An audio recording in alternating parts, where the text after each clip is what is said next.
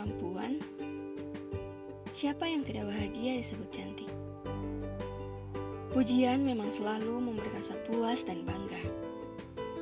Namun, cantik bukan hanya sekedar capaian atau pujian, tapi suatu tolak ukur kepribadian.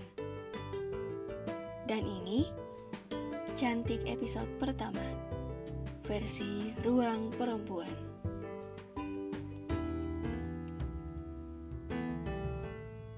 Cantik adalah kata dengan kekuatan. Ia bisa mengubah rasa minder menjadi super, mengubah layu menjadi mekar. Gak heran, para perempuan berlomba agar cantik menjadi identitas dirinya.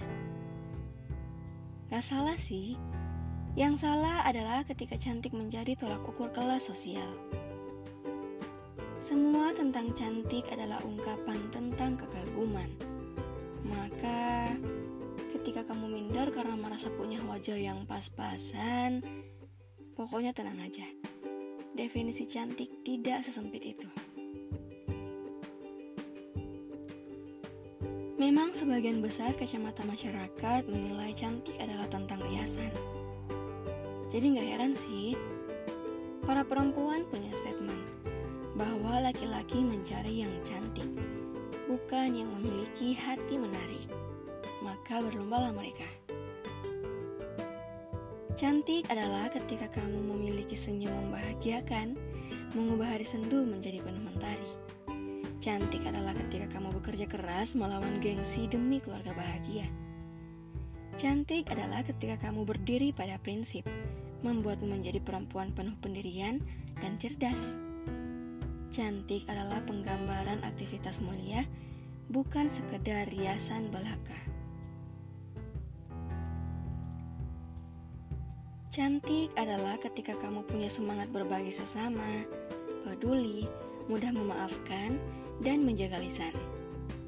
Cantik adalah ketika kamu punya rasa tidak kenal putus asa dan terus menjalani kehidupan dengan baik dan positif.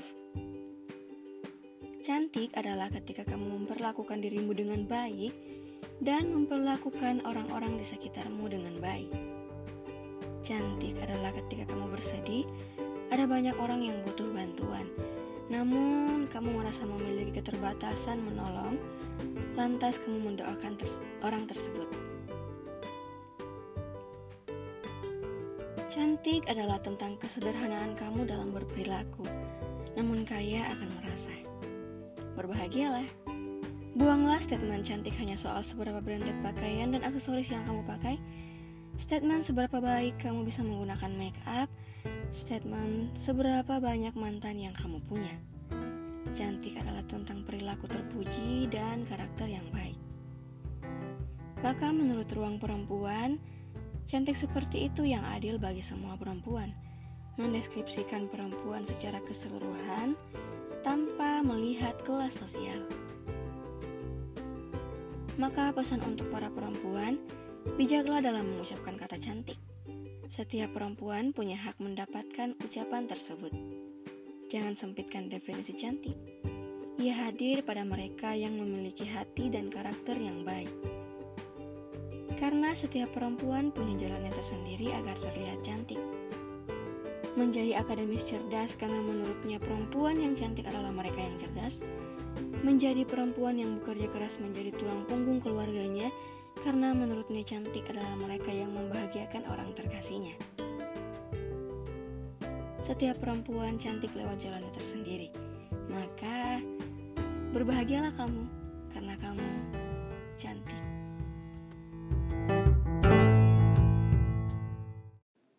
Plan Mama menjadi seseorang terfavoritku sepanjang masa.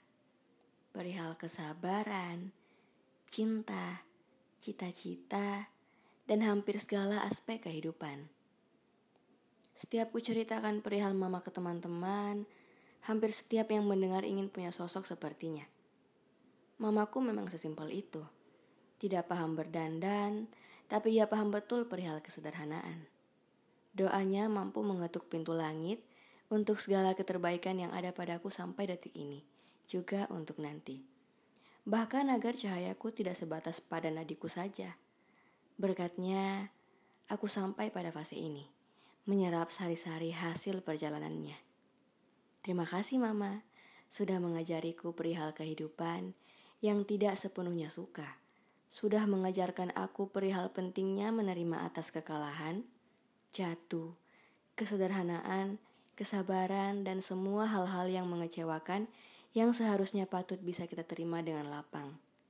Sebab tidak semua hal yang bisa dilawan jauh sebelum perlawanan dimulai. Oke. Okay.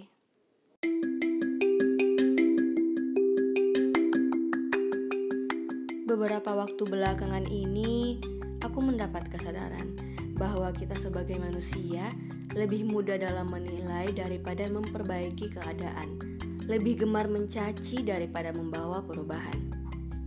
Dari segala karunia yang Tuhan berikan untuk manusia, satu-satunya yang menurut pandangan pribadi tidak pantas dilakukan oleh manusia adalah menilai manusia. Karena satu dan lain hal, manusia selalu punya keterbatasan dalam memandang jalan, nilai hidup dan latar belakang seseorang. Rasanya jika ingin menilai seseorang harus berpikir berjuta kali.